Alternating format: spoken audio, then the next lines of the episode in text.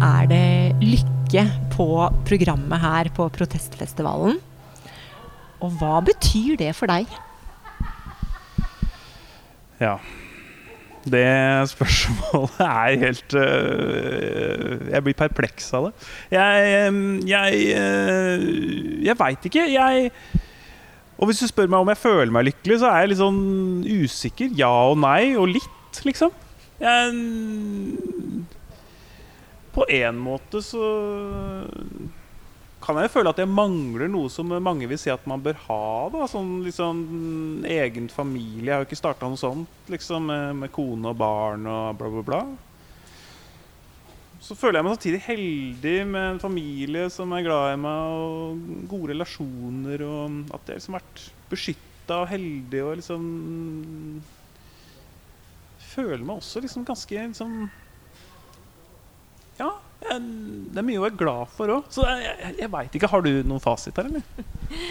Jeg har nok ikke noe fasit, men det kan hende vi kommer nærmere det svaret. For det skal jo være et foredrag her med en finne som heter Maria Østeråker, som skal snakke om det. Og vi skal ta en prat med henne etterpå. Mm. Så kanskje vi blir litt klokere. Ja, det er jeg litt klar, eh, klar for. Jeg trenger å bli klokere, jeg kjenner jeg. Er, eh, hva, hva, eh, lykkes du, holdt jeg på å si? Eller hva gjør deg lykkelig? Har jeg lykkes her i livet? Ja. Jeg følte jo lenge at jeg ikke lykkes, fordi jeg hadde jo så store forventninger om at jeg skulle få familie og barn. Hadde, hvorfor hadde du så store forventninger? Jeg, vet, hva, jeg følte at det var som en sånn ferdigtråkket sti. Mm. Hvor det var bare Ja, jeg skulle studere, og så skulle jeg få meg kjæreste, og så skulle jeg gjøre sånn og sånn.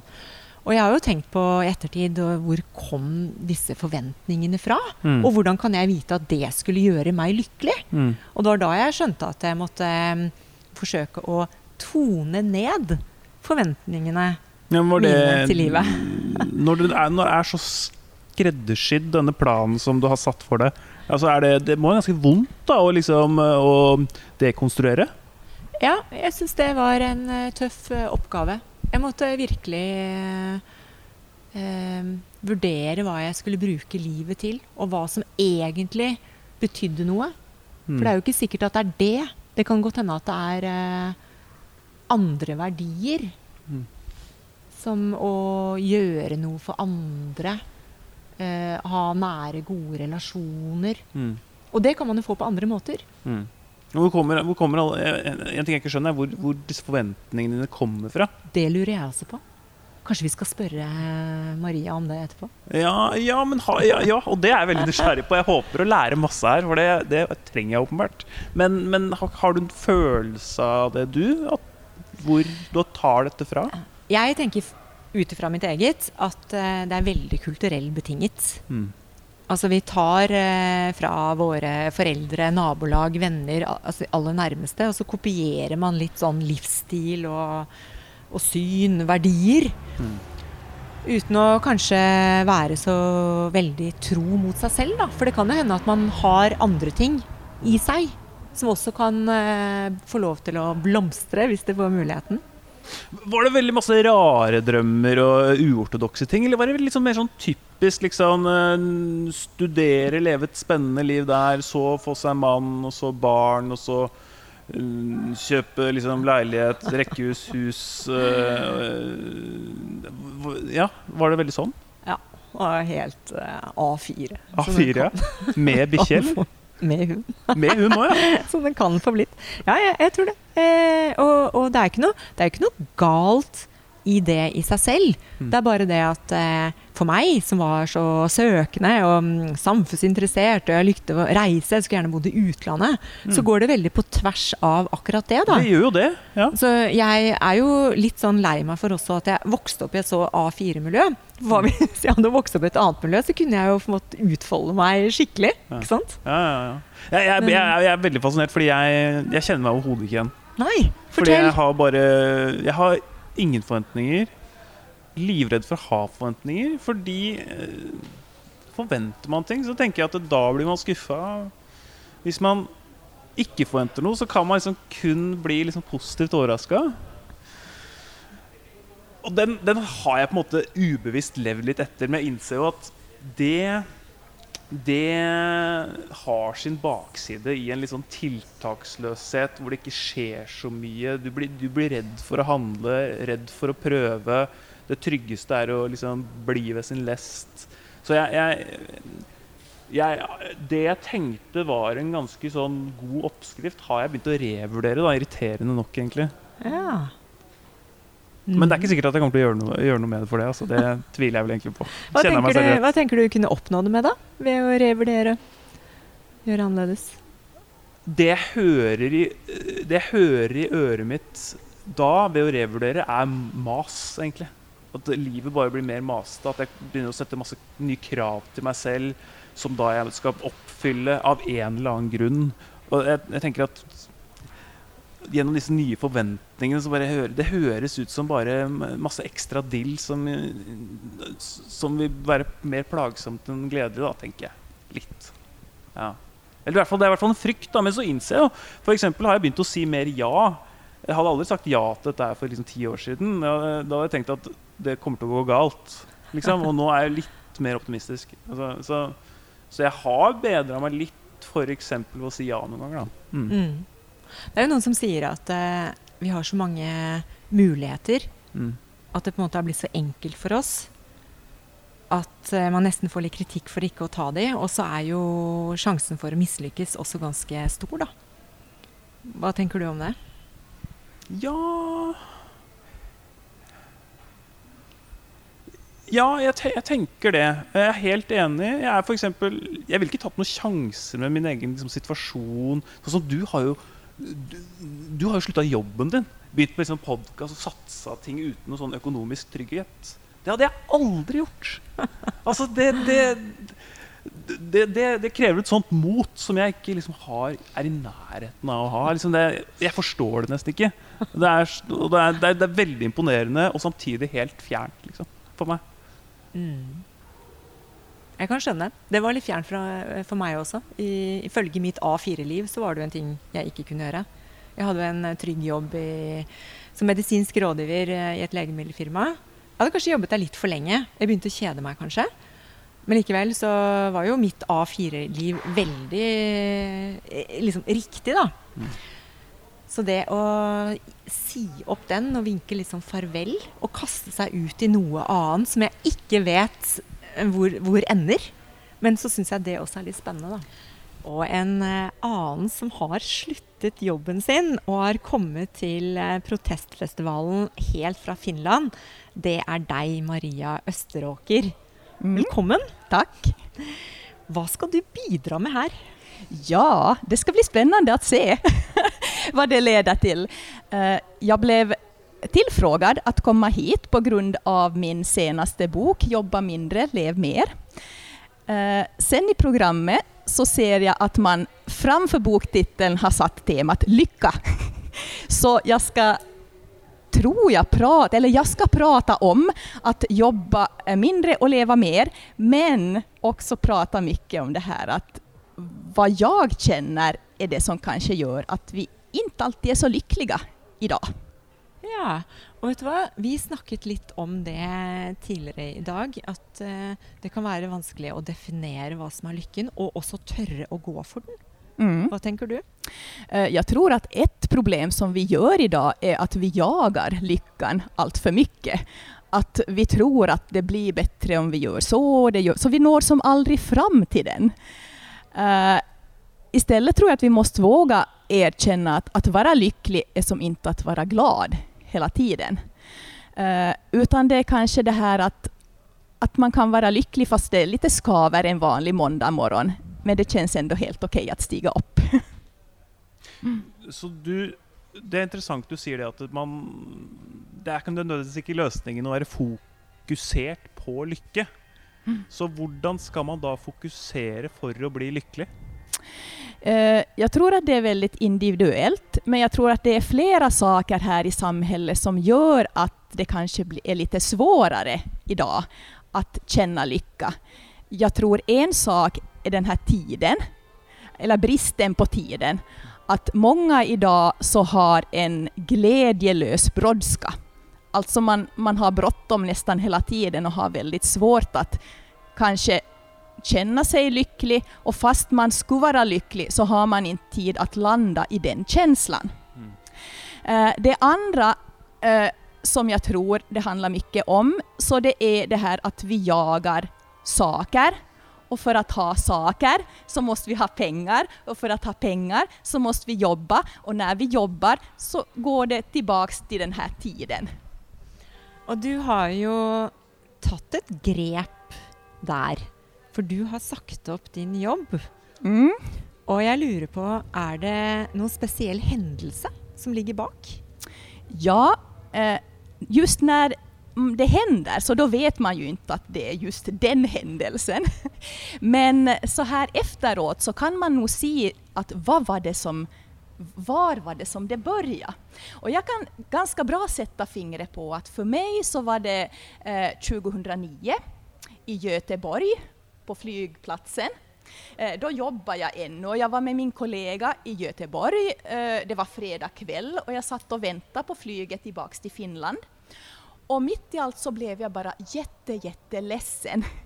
Eh, och min kollega Linda hon frågade varför är du så ledsen? Och jag sa att, att, jag vet inte, det bara känns att just nu är jag där var jag absolut inte vill vara. Jag vill inte sitta på ett flygfält i Göteborg en fredagkväll. Jag vill göra någonting annat. Eh, och så tänkte jag då att ja, jag måste ju göra någonting åt det här och så åkte jag hem och så vet ni vardagen fortsätter och man steg upp varje morgon och man for till jobbet och så vidare. Så gick det ett helt år eh, och eh, det var året därpå och vi hade jullov så jag var hemma med barnen. Och eh, vi hade långt jullov, två veckor, och när jullovet var slut så sa min dotter som då var fyra år att att, ah, att, att ah, nu vill jag inte åka till dagis, att varför måste jag åka till dagis? Och så, så här, jag är ju ekonom, så är jag så här att ja, vet du, att, att nu ska mamma åka till jobbet och jag ska tjäna pengar och för pengarna så köper vi mat och kläder och så vidare. Och så sa min fyraåring då så här att åh mamma, att vi kan ta pengar ur min spargris och köpa mat bara du är hemma med mig. Och då var det liksom sådär som moders hjärta lite stanna. Eh, och då tänkte jag sådär, kanske inte så mycket på det hon sa, utan jag tänkte egentligen på mitt eget liv och om att tog jag egentligen ansvar för mitt eget liv? För då hade det gått ett helt år från den där kvällen i Göteborg till det där när jullovet tog slut och jag hade inte gjort någonting. Ingenting hade jag gjort för att förändra min situation, trots att det som skavde. Så då bestämde jag mig att nu säger jag upp mig. Men var du inte rädd för uh, allt det som vi är typiskt rädda för? Då, Pengar, först och mm. främst. Jag ville, jag ville varit livrädd. Hur tänkte du där? Mm. Ja, det var, det var egentligen det är ju egentligen det som de flesta tänker på, alltså ekonomin. Eh, visst har jag också tänkt på det, men, men eh, jag tänkt sådär att jag ger det som ett, ett år att jag ser vad som händer. Jag menar, man, man, det, det, det fixar nog sig. Eh, det som har visat sig efteråt för mig är att det där med pengar, det är som inte det svåraste när man slutar jobba, utan i mitt fall så har det nog varit den här eh, identitetskrisen, att vem är man utan sitt jobb? Mm. Är det okej okay att inte jobba. Vad ska, är det, hur ska jag känna när folk frågar att, att vad gör du? Jag säger ja, inte så mycket. för det är det som har varit som svårast för mig, att um, känna att det är helt okej. Okay. För man är som så inrutad i det här systemet, att man ska göra rätt för sig. Och eh, visst, eh, jag använder idag, eller jag har idag mycket mindre pengar än tidigare, men jag använder också mycket mindre pengar. För det är ju det, om man tänker på ett ett företag. Så om man tänker på lönsamheten i ett företag, så lönsamheten skapas ju av pengar som kommer in och pengar som går ut. Man ska öka sina intäkter, man ska sänka sina kostnader. Det är precis på samma sätt i, i en, för privatpersoner. Eh, du kan öka dina inkomster, men du kan också sänka dina kostnader och du kan ha lika stor lönsamhet eller om vi säger omvandla det till ett bekvämt liv i båda fallen. Har du fått många reaktioner? Jag tänker lite på negativa reaktioner när jag ställer frågan. Uh, eh, uh, eh, inte egentligen när jag gjorde det så här rent uh, konkret. Då var det jättemånga som var nyfikna och jag hade en blogg som blev väldigt stor och, och jag, det är väldigt många som att åh, jag vill göra samma sak och så vidare. Men sen när jag i fjol skrev den här boken Jobba mindre, lev mer så då var en av de första, eller det har kommit två frågor, eller negativa grejer. Det första som man alltid säger, ja men det här kan ju inte alla göra. Alla kan ju inte jobba mindre. Och det, det som är så intressant, för många tar upp det här att sluta jobba, men jag har ju inte slutat jobba, jag jobbar bara mycket mindre. Uh, så da, men det där är ju som orättvist, att inte kan ju alla jobba mindre. Och det är så intressant, för jag menar, skulle jag ha skrivit en bok om hur man placerar pengar på aktiemarknaden, eller hur man skaffar höns, eller hur man startar ett företag, så skulle det vara precis samma sak. Inte, inte har alla pengar att, att köpa aktier för, inte kan alla köp, eh, skaffa höns. Så det är också orättvist, men just det där att jobba och det där att det är någonting som skaver. Och sen det andra är ju inte ofta, men två gånger har jag fått av män frågor det här att ja, men att, att hur tänker du nu när du inte betalas, eller som jobbar och, och drar in, förtjänar och betalar skatt, att har du nu lika stor rätt till samhällets tjänster som jag som tjänar mycket och betalar mer skatt och så vidare. Men, men där, är det, där tror jag nog att jag har en hel del argument som gör att jag får dem tysta ganska snabbt. Mm. For en, en, ting er å få mer tid, men så er det jo bruken av tid òg. Det, det, er jo veldig mange mennesker i dag som bor aleine, er single, har masse fritid, mm. men som likevel ikke er lykkelige nødvendigvis. Jeg antar at det, det å frigjøre tid mm. Det är ju ett poäng, men, men man må väl bruka tiden på ett eller annat vis också, eh, eller vad tänker du? Absolut. Jag tycker om man funderar på att, att man till exempel ska jobba mindre och då få mera tid, så tycker jag man på förhand ska tänka att vad vill jag göra med tiden? För det är precis som du säger, att ha massor med tid, men ingenting att göra. Så det är, ju, det är ju ännu värre. Men i mitt fall så så märkte jag att, att många saker som jag gjorde när jag jobbade, till exempel när dagen var slut, så gick jag ofta och shoppade eller gick omkring i affärer, för jag var som ganska så här mentalt trött, så jag tyckte det var roligt att bara gå och shoppa. Jag orkade inte träffa mina kompisar och så vidare, för jag hade ju haft så mycket runt omkring mig hela, hela dagen. Men nu när jag har mera tid så orkar jag ju ta kontakt med andra människor på ett helt annat sätt. Eh, när man har mera tid, så åtminstone jag, så, så när saker och ting börjar gå mer långsamt, så först blir man rastlös. Men det är en, en svensk eh, författare som har skrivit så bra att rastlös betyder egentligen rastlös, alltså att man har för lite rast. Många av oss gör att när vi blir rastlösa så försöker vi bota det med att vi blir aktiva. Vi, vi måste göra någonting, det måste hända någonting. Men när man blir rastlös så måste man kunna landa i det. Och när man sen lugnar ner sig, när man har som kommit igenom det, det är liksom abstinens, så då, då är det ganska lugnt i den där i stillheten på det sättet. Och sen finns det ju också, jag menar, man kan ju vara involverad just i välgörenhetsarbete och tredje sektorn och sånt på ett helt annat sätt. På tal om, om att bidra till samhället. Kan du säga lite om hur du beslutet att bruka tiden din, den nya tiden som du hade frigjort? Mm. Uh, jag jobbar, men jag jobbar med sådana saker som jag tycker väldigt mycket om. Eh, och eftersom eh, jag har dragit ner på mina kostnader eh, så känner jag att jag har mycket större flexibilitet att tacka ja och tacka nej till grejer. Jag vet också ungefär hur mycket pengar jag behöver, så idag så jobbar jag för att få in till de pengarna. Men sen så behöver jag som inte känna att jag måste jobba för att sätta pengar på hög. Så det blir ju lite omvänt att, att jag har under ett, ett års tid nu lite räknat på att, att hur mycket pengar sätter jag på kläder. Och för den summan så behöver jag betala, äh, eh, jobba ungefär två dagar för att få ihop den summan. Och så, och, och, så har jag tänkt att men jag har ju till exempel när det kommer till porslin och sånt, jag har ju allt vad jag behöver. Så det blir lite intressant när man svänger om det och tänker att men vad behöver jag? Hur mycket pengar behöver jag? Och hur mycket måste jag jobba för att få ihop de här pengarna? Istället för att man tänker att jag jobbar, jobbar, jobbar så får jag en pott pengar. Vad ska jag göra med de här pengarna? Tror du vi är i färd med att bevega oss i din riktning? Um, ja, om jag ska vara lite, lite kaxig så, så först, eh, de första åren så tyckte jag nog att, att jag har haft ganska Vissa dagar hade känts så här att åh, men att gör jag nu rätt för mig och kan jag göra så här och, och, och, och har jag nu ett, ett meningsfullt liv? Men jag har mer och mer börjat känna så här att, att när jag jobbar mindre så uh, gör jag det för att jag har förstått någonting som väldigt många ännu inte har förstått. Det är det att jag mår mycket bättre. Uh, jag ser det som en väldigt sån proaktiv handling. Alltså jag, jag, tror inte att jag kommer att bli utbränd, jag tror inte att jag blir sönderstressad, vilket gör förhoppningsvis att jag mår mycket bättre. Eh, jag tror också att det är mycket bättre för miljön.